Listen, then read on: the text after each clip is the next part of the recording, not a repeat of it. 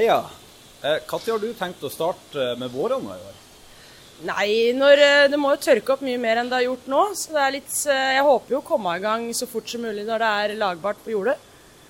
Så egentlig når det tørker opp og at det ikke blir for mye spor til jeg skal gjødsle, for jeg har eh, stort sett bare gress, så det er jo ikke store våronna jeg skal gjøre. Når har du tenkt å starte med våronna? Nei, det blir jo når snøen er borte, da. Vi, vi har hatt mye, mye snø i vinter, og det er jo gjort målinger på 3,5-4 meter nedbør. så så det tar sin tid å, å smelte, men i solhellinga så begynner det å bli, bli, fint. da. Vi har mye beiter i solhellinga, så da skal jeg tidlig utpå og få på møkk. Hvor mange uker tror du det er til du starter, da? Nei, eh, I de tidligste områdene så starter jeg nok innen ei uke eller to. da. Må få rørt opp skikkelig nå først, så vi kan komme godt i gang når det første smeller. Eh, når har du tenkt å starte med våronna i år? Nei, Det må vi nesten ta når det er laglig. Men eh, sånn som det ser ut nå, så ligger vel an til første uka på mai, forhåpentligvis. Nå er det snø og isfritt, og det går vann i greftene. Så 14 dager ca. Litt avhengig av vær og vind, eh, selvfølgelig. Men da håper vi å være i gang med såing av kønn. Uh, gjødsling av gress Ja, håper slutten av måneden, men det ser ut som vi må drøye inn til første dag på mai der òg. Hvilke ambisjoner har du for avlinga i år? Jeg har hatt for lite fôr nå to år, så målet er jo å få nok, men samtidig ha god nok kvalitet. da. Så jeg håper på fire shotter på enkelte av stykkene. Hvilke ambisjoner har du for årets avling, egentlig? Nei, vi har uh, satt oss et litt hårete mål om å prøve å produsere 1000 forenheter uh, med gress per mål. vi ligger i dag da på 850, og det er stigende. Vi har knekt noen koder med noe mineralmangel som vi har fått påvist, og løst det. Og da skal det ligge til rette for å øke det ytterligere. Hvilke ambisjoner har du for årets grovfòrsesong? Det blir å, blir å lage et bedre grovfòr enn i fjor. Eh, gjøre ting enda mer riktigere og ta i bruk det jeg har lært i eh, Ta kollegaer i Grovfòr 2020, da. Og hva er det? Det er jo det at uh, vi skal uh, du, du, må optimalisere alt du driver med. Du må være trygg på det du har på, når du har det på, og når du høster, og, og når du bør eh, snu enga. At du er nøyere med å kalke. Uh, alle disse her tinga som vi lærte på, på landbruksskolen en gang i tida, som vi av og til har en tendens til å glemme litt av. da.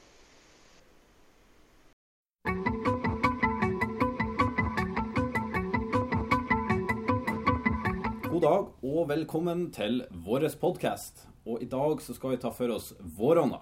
Jeg heter André Brokseth Myrseth og er spesialrådgiver i Tine rådgivning. Og jeg skal lede dere gjennom denne podkasten. Med, med, oss i dag så har vi han eh, Erik Brodshaug. God dag, Erik. Hei sann. Hei. Han er spesialrådgiver på fòring i Tine rådgivning. Og så har vi med oss hun Ingrid Gauslå, eh, som er markedsansvarlig i Miljøkalk. God dag, Ingrid. Hei, hei.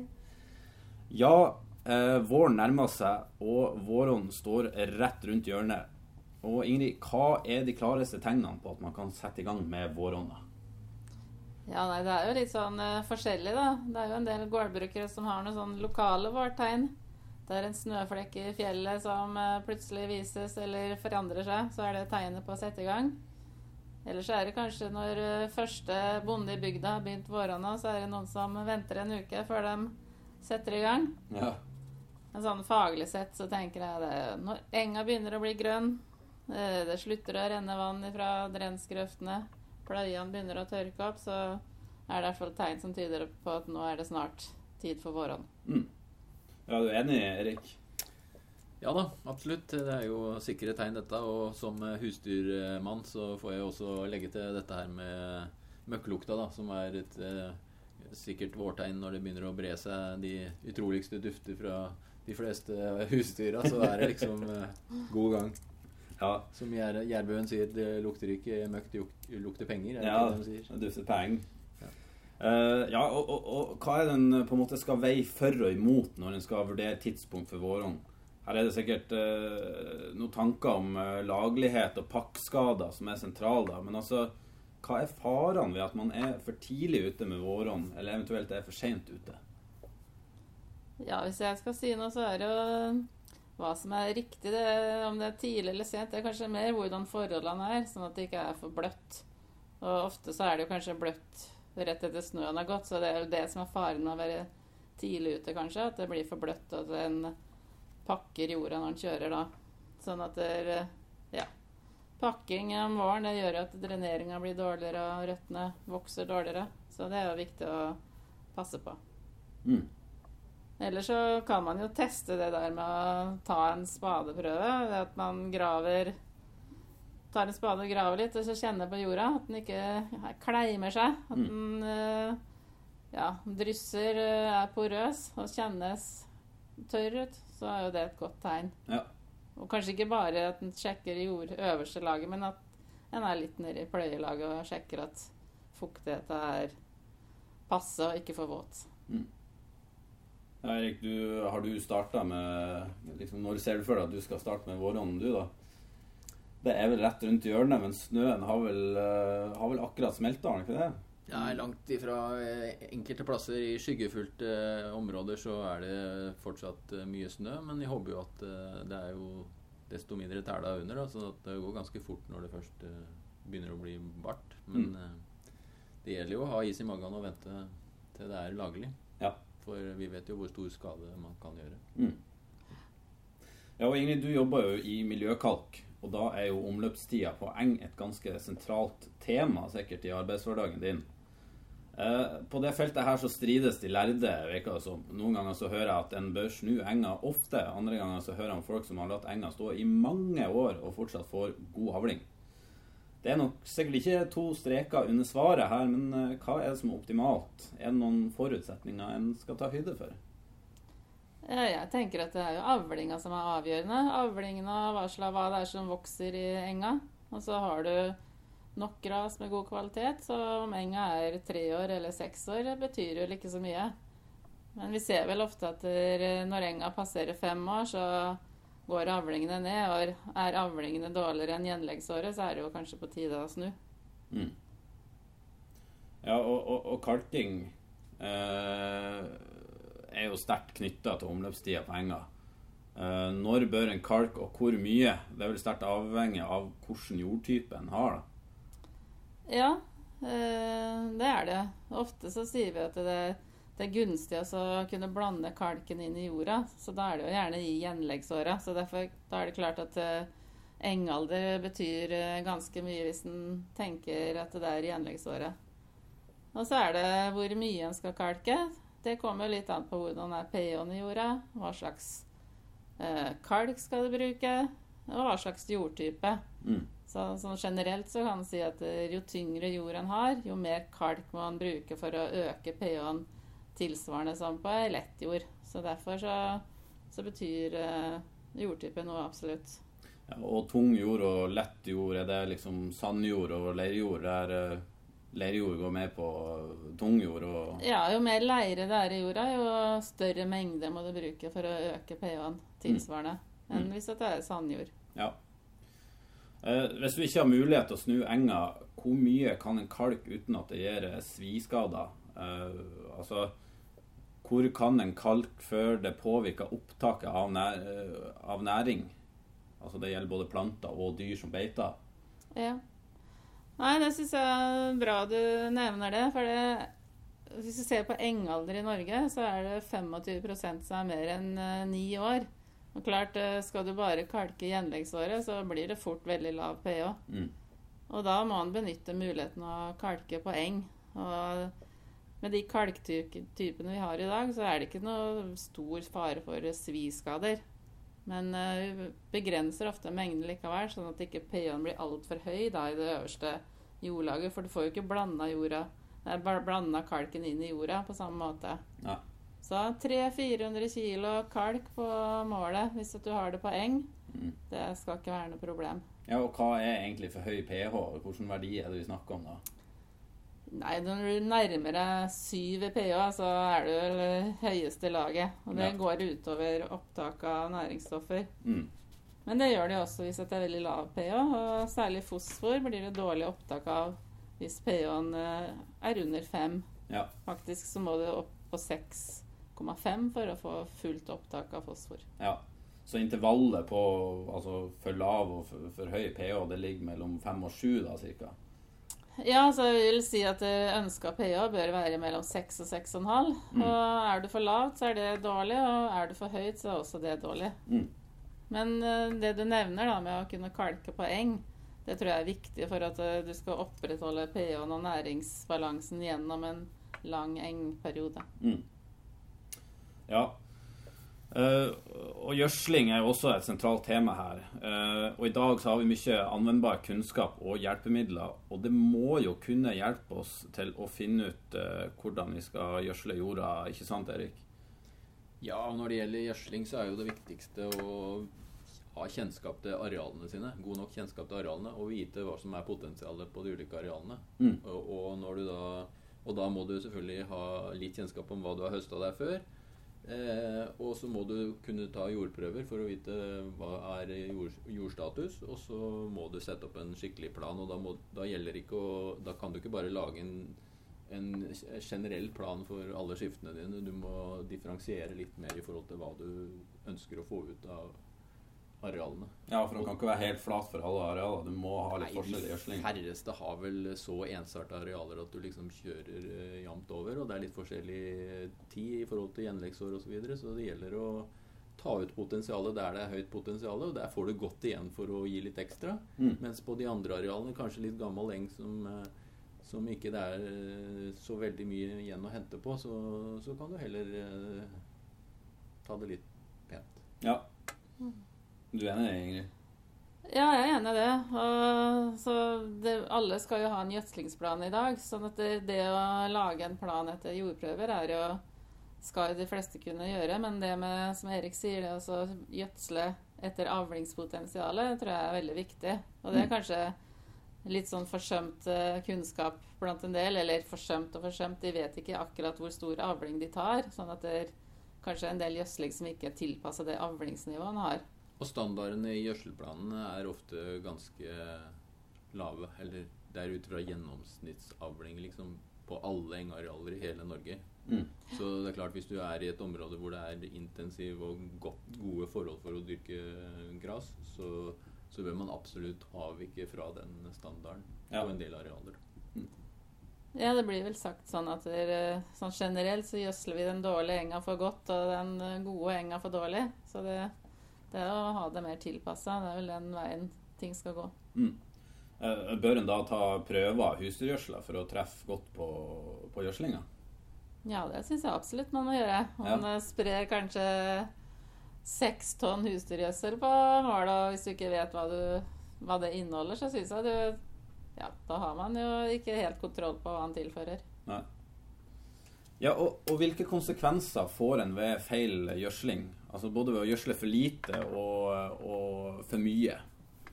Hva, hva er det som kan skje i, i verste konsekvens? Erik? Ja, først og fremst er det jo å tilpasse etter avlinga, som vi har vært inne på allerede. Og, og, og gjødsler du for lite, så får du ikke ut avlingspotensialet. Så enkelt er det. Og gjødsler du for mye, så kan du jo, spesielt i forhold til nitrogen, eh, som på en måte er, ofte er målet på hvor mye du gjødsler, hvor hardt du gjødsler, så kan jo det gi ekstremt høye proteinverdier f.eks. i gresset. Og det kan jo være litt eh, problematisk sånn fôringsmessig seinere. Kan gi litt ubalanse i rasjonen osv. Så, videre. så det er vel én ting å måle det på. Eller så er det jo Avrenning er vel kanskje ja, vektig her, da. Eh, Men eh, det er klart, når, du, når det er så mye at du får eh, så høye proteinverdier at det er et problem fôringsmessig, da har du nok også hatt en del avrenning, i hvert fall hvis det har vært litt uh, fuktige forhold underveis. Men Ja. eh, normalt sett under fuktige forhold så er det jo også å tilføre gjødsel, så, så fylle inn for det, da. Men uh, utvasking eventuelt. Så. Mm. Nei, jeg tenker liksom på det med å ha riktig uh, mineralbalanse i fôret, kanskje. da. Vi har jo vært på Grovfòr 2020-samlinger, og det mange bønder der sier, er jo at kvaliteten er viktig for dem. Og da er det kanskje det her med magnesium og kalsium også. Og da, siden jeg selger kalk, da, så må jeg jo si det at dere, en kan jo tenke på at uh, gjennom kalking så tilfører en også næringsstoffer. Mm. Og særlig kalsium og gjør jo alle kalkmidlene, men magnesium tilfører du gjennom dolomitt. Så og dolomitt, eller dolomitt inneholder jo mye magnesium, og magnesium er jo viktig i forhold til det med graskramp og sånne ting.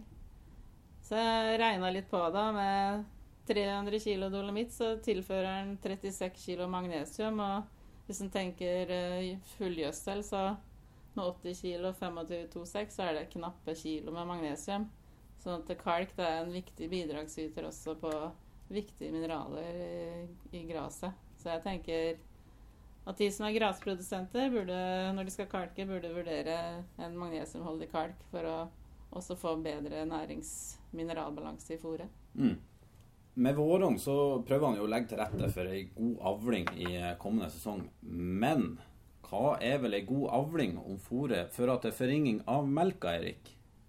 Ja, det er vel ikke sånn at en god avling nødvendigvis får forringer mjølka. Det er jo ikke sånn å forstå. Men Nei. med avling så må vi jo forstå én ting. At for det første så er det viktig at uh, du ikke bare tenker på avling, men også tenker på kvalitet. Og da tenker jeg på foringsmessige betraktninger. Og som der, som på når du skulle sette opp en gjødselplan, så er det viktig at du differensierer litt i forhold til hva man skal bruke fôret til. At det beste fôret som skal brukes til de mjølkekyr, kanskje, okser i høy produksjon, det må være topp kvalitet og må høstes deretter. Mens uh, noe annet kan stå lenger og arealer som er langt unna osv. Så, videre. så det, det er det kvalitetsmessige i forhold til fôring.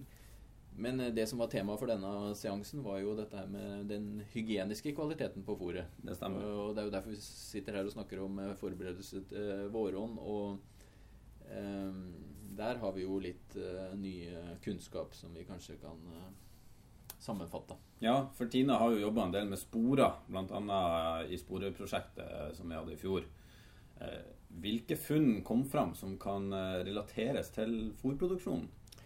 Ja, I prosjektet som var initiert av Tine Råvare, da, som er de som kjøper råvaren av produsentene, eh, eh, de er jo veldig opptatt av eh, råvarekvaliteten selvfølgelig, og ser hvilke kostnader som hy dårlig hygienisk kvalitet medfører for um, produksjonen av produktene våre. Og da er det spesielt eh, smørsyresporene som er en utfordring, eh, fordi at de kommer overlever kokinga, kommer inn i osteproduksjon. Og eh, når osten ligger vel på lager og man klapper seg på brystet med en god jobb med å lage en fin ost, så begynner dette her å røre på seg, og så får vi sprengt i filler det råstoffet som man har lagt så mye innsats bak. Og det er en veldig kostbar eh, tapspost i produksjonen av eh, gode produkter. Så det var jo derfor det hele starta. Eh, og da tok vi tak i eh, de som eh, var på en måte gjengangere, og som har slitt med høye sporeverdier over lengre tid. Som har et vedvarende problem. Og så tok, ble det gjort et initiativ i forhold til å få tatt, i, tatt ut flere hygieneprøver. Og hygieneprøver de måler ikke på vanlig måte sånn som man vanligvis har på et surfòr-analysebevis, men det måler liksom det som har med f.eks. sporer å gjøre. da. Og da fant man ut at uh, av de drøyt 800 prøvene som vi samla inn, så var det over 50% som viste dårlig eller middels kvalitet, hygienisk kvalitet i surfòret. Så det sier også at uh, det er mye fra surfòret at det, det, det kommer. Uh, og da er det viktig å kanskje skille på smørsyresporer. Når det gjelder smørsyresporer, så er det noen som sier det at ja, men eh, det står jo ikke på analysebeviset at jeg har mye smørsyregjæring i surfòret mitt. Eh, og det er det man kanskje tidligere tenkte på som den største årsaken til smørsyrespor i surfòret, var feilgjæring. Eh, og det er nok noe feilgjæring som fører til smørsyre òg, men veldig få opplever nok det at man har høyt smørsyreinnhold i det vanlige analysebeviset. Men når man tar en sånn hygieneprøve som det blir gjort her, som er en utvida prøve for å finne f.eks. sporer, da, så finner man at uh, det er et ganske vesentlig forhøya nivå av smørsyresporer, og da som kommer igjen via gjødselrester og jord da fra, ute fra jordet sammen med gresset og inn i surfòret. Mm. Tar du eh, beinet ditt bare bort fra den? Sånn, da. Har du drevet og Den går litt opp og ned, da. Ja.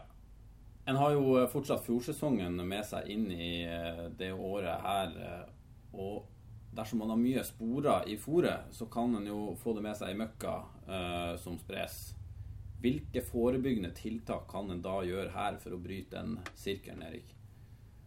Ja, det er riktig som du sier at uh, når man har hatt et forhøya sporinnhold i fôret, så, så, er det sånn at uh, når kua fordøyer det fôret, så, så, vil jo sporene overleve veien gjennom fordøyelseskanalen. Og på den måten, så, i og med at noe blir fordøyd, så vil sporene oppkonsentreres, sånn at sporinnholdet i møkka vil bli høyere. Uh, og da gjelder det å bryte den sirkelen. Eh, og da er det jo flere tiltak å gjøre. Bl.a. kan du prøve å tynne ut gjødsla og spre det tidlig nok. Og spre det før gresset har blitt så langt at uh, gjødsla får følge med oppover i planteveksten. Det er nå én ting. Uh, og så er det selvfølgelig når du skal slå, så må man slå stubbe høyt nok. Sånn at du ikke får med deg Det er jo bra også for kvaliteten, den foringsmessige kvaliteten. At du slipper å få med den stelken nederst, som er minst fordøyelig. Så det er litt sånn vinn-vinn. Men uh, da unngår du veldig mye. Eh, og så er det jo dette med samleriver som har blitt mer og mer populært når man skal fortørke, og som skal være rasjonell for å høste, så jo, bruker man jo ofte samleriver for å få en god streng, og, og bruke den riktig. Det er ikke sånn at man får forøya spor. Eh, noen er veldig redd for å bruke rive i det hele tatt. Men det viser vel at veldig mange får til det uten at det blir veldig mye sporer. Men det er klart, har man et problem, så, så er det ekstra kritisk i forhold til bruk av river. Mm. Eh, og så er det jo en tredje ting, og det er når det kommer til eh, valg av ensileringsmiddel. Eh, og det er tida for kanskje å begynne å tenke på innkjøp av slikt nå. Og da er det Da har vi sett ut ifra statistikken at det er først og fremst de eh, nitrittbaserte, eh, saltbaserte ensileringsmidlene som Kofasil, Ekstrasil, som beviselig har en spesiell effekt når det gjelder sporet, så veit du at du har en utfordring, så for all del, bruk det. Eh, det skal ikke brukes i innendørs, men, i rundballer så går det helt fint. Eh, og så har vi også sett ut ifra statistikken altså også de biologiske melkesyrebakteriebaserte midlene har tilsvarende effekt, egentlig. Vi, vi leter litt etter forklaringa på hvorfor det skjer, men det viser, statistikken vår viser helt klart at uh, også der får du en uh, vesentlig høyere andel av prøvene i, i, den gode kvaliteten i mm. forhold til å bruke ingen tilsetning, da, som noen bruker, eller syretilsetning. Syretilsetning har egentlig har en viss innvirkning i forhold til det med smørsyregjæring, som vi var inne på tidligere, men ikke veldig, har ikke noen effekt når du først har sporer som kommer inn via gjødsla, som vi var inne på i stad. Mm. Ingrid, har du noen eh, forslag til tiltak? Ja, nei, jeg tenkte litt på nå til våren når man skal spre husdyrgjødsel. Vi snakka tidligere om at det kan være feil å være for tidlig ute. Det kan jo være litt feil å være for seint ute også med å spre, spre gjødsel. Hvis gresset kommer for langt, så legger eh, gjødsla seg på bladverket. Og hvis det blir tørt etterpå, så følger jo det med opp. Så det å spre husdyrgjødselen og er kort, kanskje ha noe vann i gjødsla sånn er tynnere og renner ned, eller bruke en stripesprayer, så har man på en måte gjort litt for at ikke gjødsla skal bli på bladverket, men heller få det ned, ned i bakken. Mm. Uh, det med sporer En, en får jo gjerne en, en sporeverdi. Uh, og det er ikke alltid så lett å tolke. Erik hvordan er det man egentlig beregner denne sporeverdien? Kan forklares på en pedagogisk måte? Ja, det er litt viktig egentlig i forhold til de som har tatt en sånn hygieneprøve. Da. De, eh, vanligvis når du får sånn analysebevis, så eh, om du får to eller tre på, eller fire eller fem på en verdi, så er det liksom eh, ikke så store utslag. Men når det gjelder det med sporer, så er det litt viktig å få fram at man opererer med med, så, så, hvis man har en sporeverdi på analysebeviset som sier to, at tall, eh, verdien er to, så er det det samme som ti ganger ti. Altså ti to ganger. Mm. Så det er, da er det 100 sporer per eh, kilo tørrstoff. Ti andre, rett og slett. ti andre. Men hvis du har en verdi som er seks, så kan man jo tenke forskjellen på to og seks. Den som, som numerisk verdi, det er ikke så veldig stor. Men hvis du tenker da at da skal du ha ti seks ganger, dvs. Si én million, da kan du putte seks nuller bak det eh, tallet. Ja. Eh, så, så da har det økt altså fra 100 til 1 million. ja. Så det er litt viktig å ha med seg. En, og, og derfor så er det sånn at eh, om du har litt for høy av verdi det ene året, det er derfor vi er litt bekymra for dette her nå. ikke sant? At eh, hvis den for det, Man kan kanskje reflektere litt over at eh, ja, du gikk fra to til tre Mm. eller fire. Men det er en vesentlig forskjell. Det er det som er poenget å få fram. ja. Så altså, å gå fra to til fire er ikke en dobling, det er mer enn en dobling. Mye mer. Ja. Ja, men Det var bra. Eh, vi begynner å nærme oss slutten av denne podkasten her. Men sånn helt til slutt, har dere noen kjappe råd dere vil gi til produsentene før eh, årets våronn? Eh, Ingrid, du kan gå først. Ja, eh, her på Østlandet så er vel kanskje våren litt eh, senere enn normalt. Så det er kanskje noen som føler at de har litt hastverk. Så da er det kanskje å si at de må ha litt is i magen og unngå skadelig jordpakking. Når det gjelder kalking, da, så tenker jeg at der, hvis det nå blir hektisk For det første må man jo bestille i god tid, så man er med på lista for å spre kalk. Men eh, det er også at man kan prioritere gjenlegget som der du skal kalke for flere år fremover, er det viktigste, så kan man jo kalke enga senere. Eh, mellom slåttene eller til høsten, hvis at det blir travelt. Ja, og Erik, har du noen kjappe råd?